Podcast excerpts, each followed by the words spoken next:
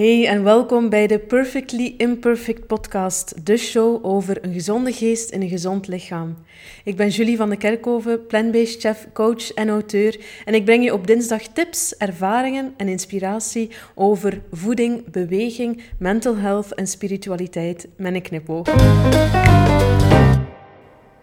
Heb je het gevoel dat perfectionisme je tegenhoudt om jezelf te aanvaarden zoals je bent? je dromen waar te maken of gewoon te genieten in het hier en nu. In deze aflevering wil ik je extra tips geven om beter met perfectionisme om te kunnen gaan, zodat je niet langer verlamd raakt door faalangst, controledrang, uitstelgedrag of the need to please. In de vorige twee afleveringen vertelde ik je al meer over mijn persoonlijke ervaring met perfectionisme en gaf ik je ook al tips om er beter mee te kunnen omgaan. Die vind je via julieslifestyle.com slash blog slash 12. Nu, vandaag extra tips, aflevering 13. Dus daarvan vind je ook alle details via julieslifestyle.com slash blog slash 13. De eerste tip is, sluit je af van mensen of bijvoorbeeld ja, dingen, social media profielen, programma's, die je perfectionisme triggeren of die je een slecht gevoel geven. Dat is iets waar ik vroeger helemaal niet bij stil stond. Maar ik denk dat dat des te belangrijker geworden is nu met alle sociale media. Um, want ik heb het niet alleen natuurlijk over sociale media, maar ook over tv-shows, magazines. Um, of gewoon heel kritische en negatieve mensen uit je omgeving. Probeer echt heel bewust te kiezen voor positief, ja, positiviteit op alle vlakken. Um, omring je met mensen die je graag zien voor wie dat je bent. En volg ook mensen op sociale media die je inspireren, die je positieve energie geven. In plaats van dat ze je het gevoel geven van ik ben niet goed genoeg of ik doe niet genoeg of ik kan het nooit, ik, ik kan nooit zo goed zijn als hen. Um, dus ja, probeer eigenlijk echt mensen te volgen die je een positieve drive geven, die je inspireren en, en, en je in die positieve flow brengen. Ik weet nog goed, als prille tiener, ik spreek nu natuurlijk over lang geleden, um, toen keek ik enorm op naar allerlei Hollywood celebrities, bepaalde actrices, uh, zangeressen, omdat ze voor mij ja, het perfecte lichaam hadden of een, uh, een soort perfect plaatje, precies een leven. Um, en ik wou mezelf ook in die richting gaan vormen. Um, zelf mijn lichaam ook uh, ja, gaan veranderen. En ik dacht, als ik er zo uitzie, of als ik dat kan bereiken, dan ga ik gelukkig zijn. Of dan ben ik geslaagd in het leven. Ik was natuurlijk op zoek naar bevestiging en, en liefde op de verkeerde plaats. Um, want dat moet natuurlijk vooral van binnenuit komen. Um, en zoveel jaren later besef ik ook dat het beste is dat je zo weinig mogelijk rekening houdt met de buitenwereld. Maar het is natuurlijk wel belangrijk dat je ook wel omringt met mensen die je een positief gevoel geven. Het enige wat dat eigenlijk telt, vind ik, um, is dat je gelukkig kan zijn met jezelf en dat je alleen kan zijn met jezelf. En dat is iets dat ik ook doorheen de jaren heb moeten, uh, moeten leren, of heb geleerd. Niets moet natuurlijk. Um, om te kunnen alleen zijn zonder dat je je slecht voelt of eenzaam voelt, maar dat je gewoon ja, content kan zijn met jezelf. En nu ik al een lange tijd alleen woon, heb ik ook beseft dat dat ook een vrijheid kan zijn. En dat het ook gewoon leuk kan zijn om op je gemak, gewoon content in het leven, um, zonder dat je anderen ook per se nodig hebt om je goed te voelen. Um, en dan, ja, als het gaat over die idealen waar ik vroeger zo naar streefde van uh, Hollywood celebrities enzovoort. Ik ben beginnen beseffen dat er altijd beauty-idealen zijn geweest en dat die ook constant veranderen. Dus dat het eigenlijk totaal geen nut heeft om je daaraan te spiegelen, want die veranderen constant. Dus wat, wat bijvoorbeeld, ik denk nu maar, nu is dat denk ik vooral Kim Kardashian en de hele Kardashian-familie. Uh, die ja, extreme rondingen uh, hebben. Terwijl de jaren negentig, dus dat is nu een twintigtal jaar terug, was het nog het androgyne model. Met geen rondingen, zo mager mogelijk. Uh, zoals Kate Moss en, en, en de echte graadmagere modellen. Dan zoveel jaar ervoor, meer rond de jaren 50, was het dan Marilyn Monroe. En die actrice is met echt een, een zandloperfiguur. Als we dan nog een keer verder teruggaan, de jaren 20, was het ook weer heel plat en mannelijk, met een kort koepje, alles uh, ja, zo plat mogelijk. Uh, als we dan nog veel verder teruggaan in de geschiedenis, waren bijvoorbeeld de Rubens-modellen met heel voluptueuze, ronde, ja, mooie vrouwelijke rondingen. Dus je ziet wel doorheen de geschiedenis dat die beauty-idealen constant evolueren. En als je dan probeert om jezelf daaraan aan te passen of te veranderen, dat je eigenlijk bijna je unieke kant van jezelf probeert aan te passen aan wat, ja, welk ideaal dat je dit jaar nu weer voorgeschoteld krijgt door een beetje de maatschappij, dan verlies je jezelf een beetje daarin, want dat verandert ook constant. En eigenlijk is het best om dicht bij jezelf te blijven. Dat heb ik nu de laatste, ja, de afgelopen jaren heel sterk beseft. Dat wil daarom niet zeggen dat het, dat het gemakkelijk is, want ja, Photoshop, sociale media, filters, maar evengoed uh, celebrities die betaald worden om extreem te sporten. Je wil eigenlijk niet weten wat dat er achter de schermen allemaal gebeurt, van extreme plastische chirurgie tot ja, dieetpillen, maar evengoed injecties om geen honger te hebben. Uh, van alles en nog wat, dat ik denk van, ja, oké, dat zou ik er niet voor over hebben. Uh, dus het is ook goed om je daar bewust van te zijn dat die 0,0001% van de bevolking, waar dat je nu misschien aan spiegelt, dat die ook niet een, um, een goede weerspiegeling zijn van het grootste deel van de mensen die hier zijn. Um, dus probeer gewoon van zo dicht mogelijk bij jezelf te blijven en je niet te veel te, te gaan spiegelen aan anderen. Probeer goed voor jezelf te zorgen met gezonde voeding en voldoende beweging, dat jij je goed voelt. Want hoe meer dat je jezelf gaat spiegelen aan anderen of een, een beeld van perfectie, hoe gemakkelijker het ook wordt om in die negatieve spiraal terecht te komen. En ja, als je constant negatief denkt over jezelf of over wat je al bereikt hebt of nog niet bereikt hebt, dan uh, ben je ook niets positiefs in het leven aan het brengen, ben je ook niet aan het genieten of plezier aan het maken. Dus dat brengt me eigenlijk bij de volgende tip. En dat is: probeer jezelf niet te vergelijken met anderen, maar probeer wel gewoon een betere of een heel goede versie van jezelf te zijn.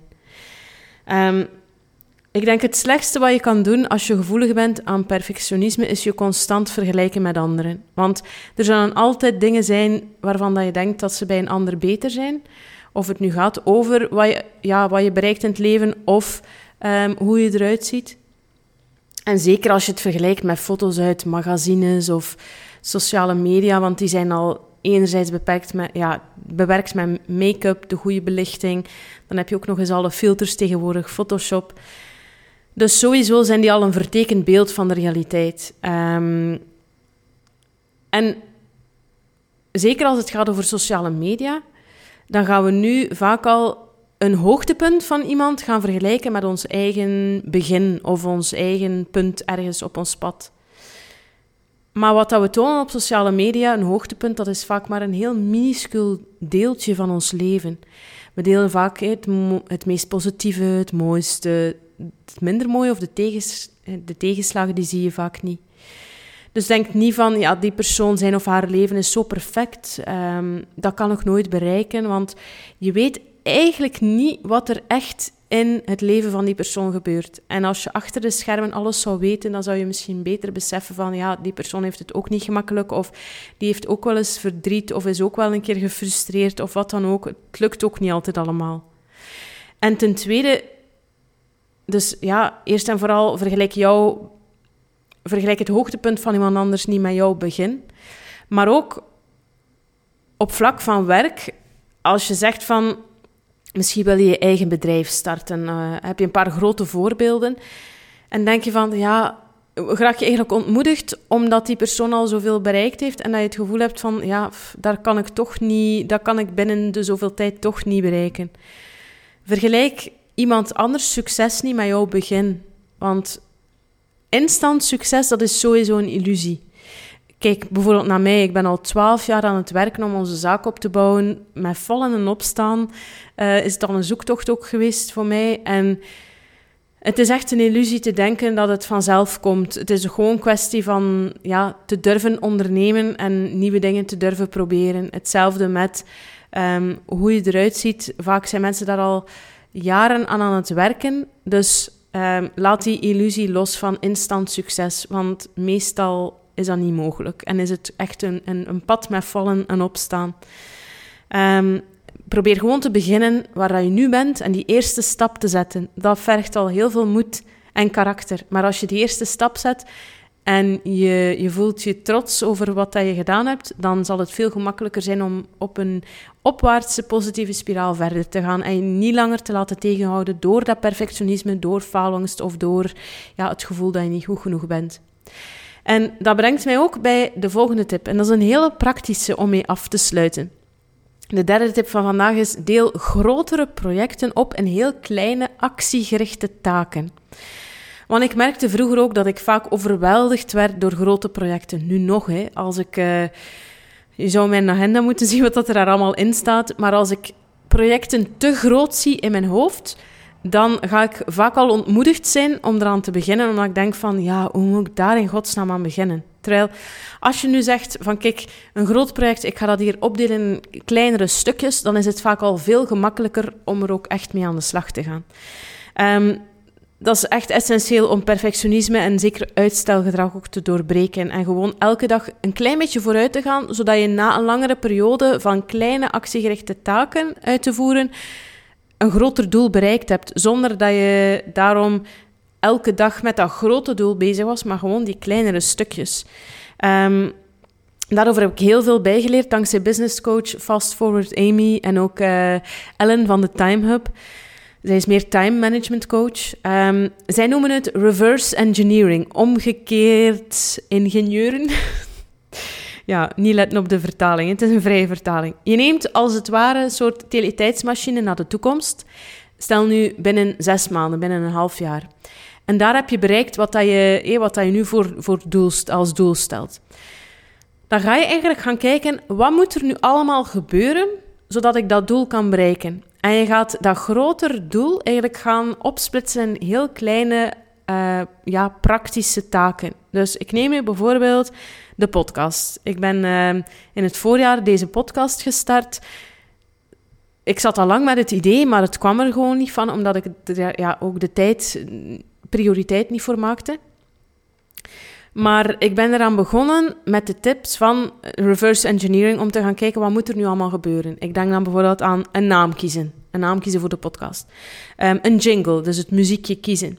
De eerste tien afleveringen al uh, ja, gaan bedenken, uitschrijven, zodat je die ook gemakkelijker in één keer, bijvoorbeeld twee keer vijf afleveringen, kan gaan opnemen.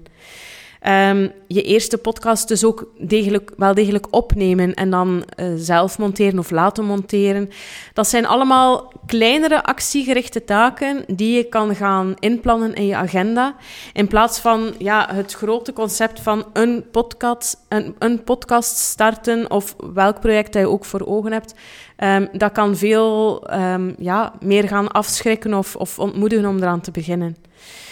Dus je gaat eigenlijk een groter doel opsplitsen in kleinere taken. Maar heel belangrijk daarbij, en dat heb ik ook weer geleerd van uh, onder andere Fast Forward Amy, is dat je elk van die taken gaat inplannen in je agenda, want anders bestaan ze niet. Dus ik zet nu ook wel alles gewoon in mijn agenda. Dat is een heel praktische manier, vind ik, om te werken. Geen to-do-lijstjes meer, want vroeger schreef ik alles op lijstjes en dan een lijstje hier, een lijstje daar. Um, dat was eigenlijk totaal niet efficiënt. Nu zet ik gewoon die aparte taken in de agenda en dan maakt het ook veel gemakkelijker om te zien, oké, check, dat is al gebeurd, dat nog niet. Um, terwijl met lijstjes dat je gewoon op papier maakt, dat geraakt dan verloren of ja, dat vond ik eigenlijk gewoon niet zo tijdsefficiënt. Dus je gaat elk van die taken inplannen in je agenda, dan bestaan ze ook echt en dan ja, maak je daar ook letterlijk de tijd voor vrij, want het staat ook zoveel tijd ingepland, of een hele dag. En nog een belangrijke is dat je die taken ook met een, op een actiegerichte manier inplant, dus met een werkwoord.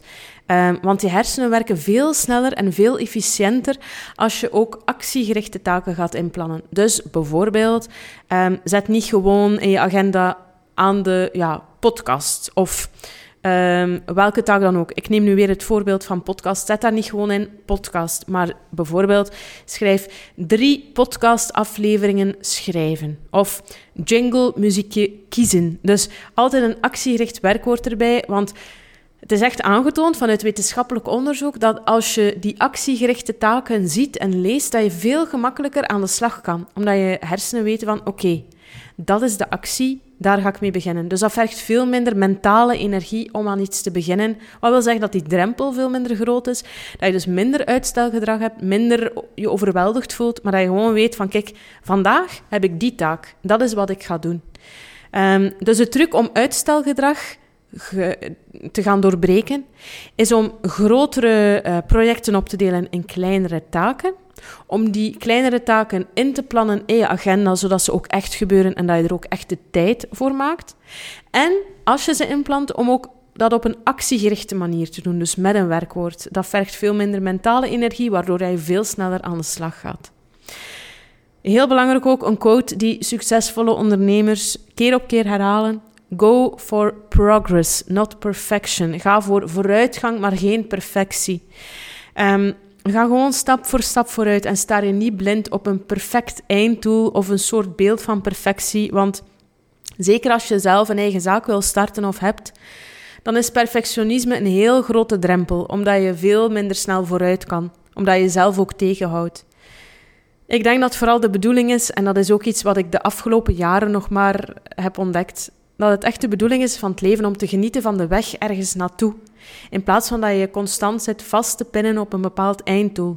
Want misschien ga je dat einddoel wel bereiken, maar de weg er naartoe was helemaal niet aangenaam. Want misschien ja, werk je jezelf te pletteren of neem je niet echt de tijd om ook tussendoor te genieten van de momenten.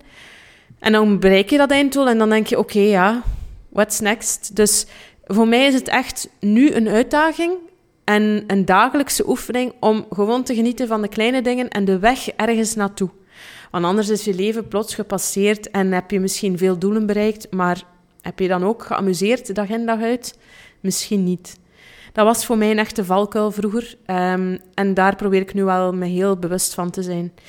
Ook omdat als je alleen maar dat einddoel voor ogen houdt, dan ben je vaak heel hard voor jezelf. Want je denkt, oké, ik moet hier gaan, gaan, gaan, tot ik dat doel heb bereikt. Terwijl als je zegt van nee, ik wil ook genieten van de weg ernaartoe, dan ga je vaak al veel zachter zijn met, met jezelf en ook gewoon jezelf toestaan om rust te nemen, om te ontspannen, om plezier te maken. En om niet constant bezig te zijn, maar dat moet hier zo efficiënt mogelijk en zo snel mogelijk gebeuren. Want daarvoor denk ik is het leven ook niet gemaakt. En dat is voor mij al een heel grote leerles geweest, waar ik nu nog veel uh, oefening in nodig heb. Maar dat wens ik jou ook toe. Um, en het komt niet vanzelf. Het is echt een oefening om je, je gewoontes en ook je gedachten te veranderen. Ik hoop alleszins dat je iets gehad hebt aan deze afleveringen rond perfectionisme. Al is het maar bepaalde tips die je zelf zal proberen of een bepaalde herkenning. Uh, het gevoel dat je er niet alleen voor staat in, in je struggle met perfectionisme. Uh, want zoals je ziet is het voor mij ook een, uh, een, een belangrijk onderwerp. Deel de podcast zeker op social media als je het interessant vond of als je mensen kent die hier ook moeite mee hebben. Um, en tag me at Julie's Lifestyle Official. Um, dat is heel leuk, dan kan ik je berichtjes zien kunnen we ook zo uh, meer connectie maken. Is het voor mij ook veel persoonlijker om die feedback te krijgen. Um, en uh, sowieso vind je de tips van vandaag ook via julieslifestyle.com slash blog slash 13. Abonneer je ook op onze podcast via julieslifestyle.com slash podcast. Dan kunnen we nieuwe afleveringen blijven maken um, voor, uh, ja, voor over heel uiteenlopende onderwerpen. Daarover kan je ook altijd feedback delen via julieslifestyle.com. Bij elke aflevering kan je in de comments ook je feedback of vragen uh, nalaten. Abonneer je, geef een rating met sterretjes, schrijf een korte review. Helpt allemaal uh, voor ons om feedback te krijgen en nieuwe afleveringen te kunnen maken. is weer heel erg bedankt voor het luisteren of het kijken, want je kan deze aflevering ook bekijken als video via YouTube, via Julie's Lifestyle. Um, en uh, ja, tot de volgende.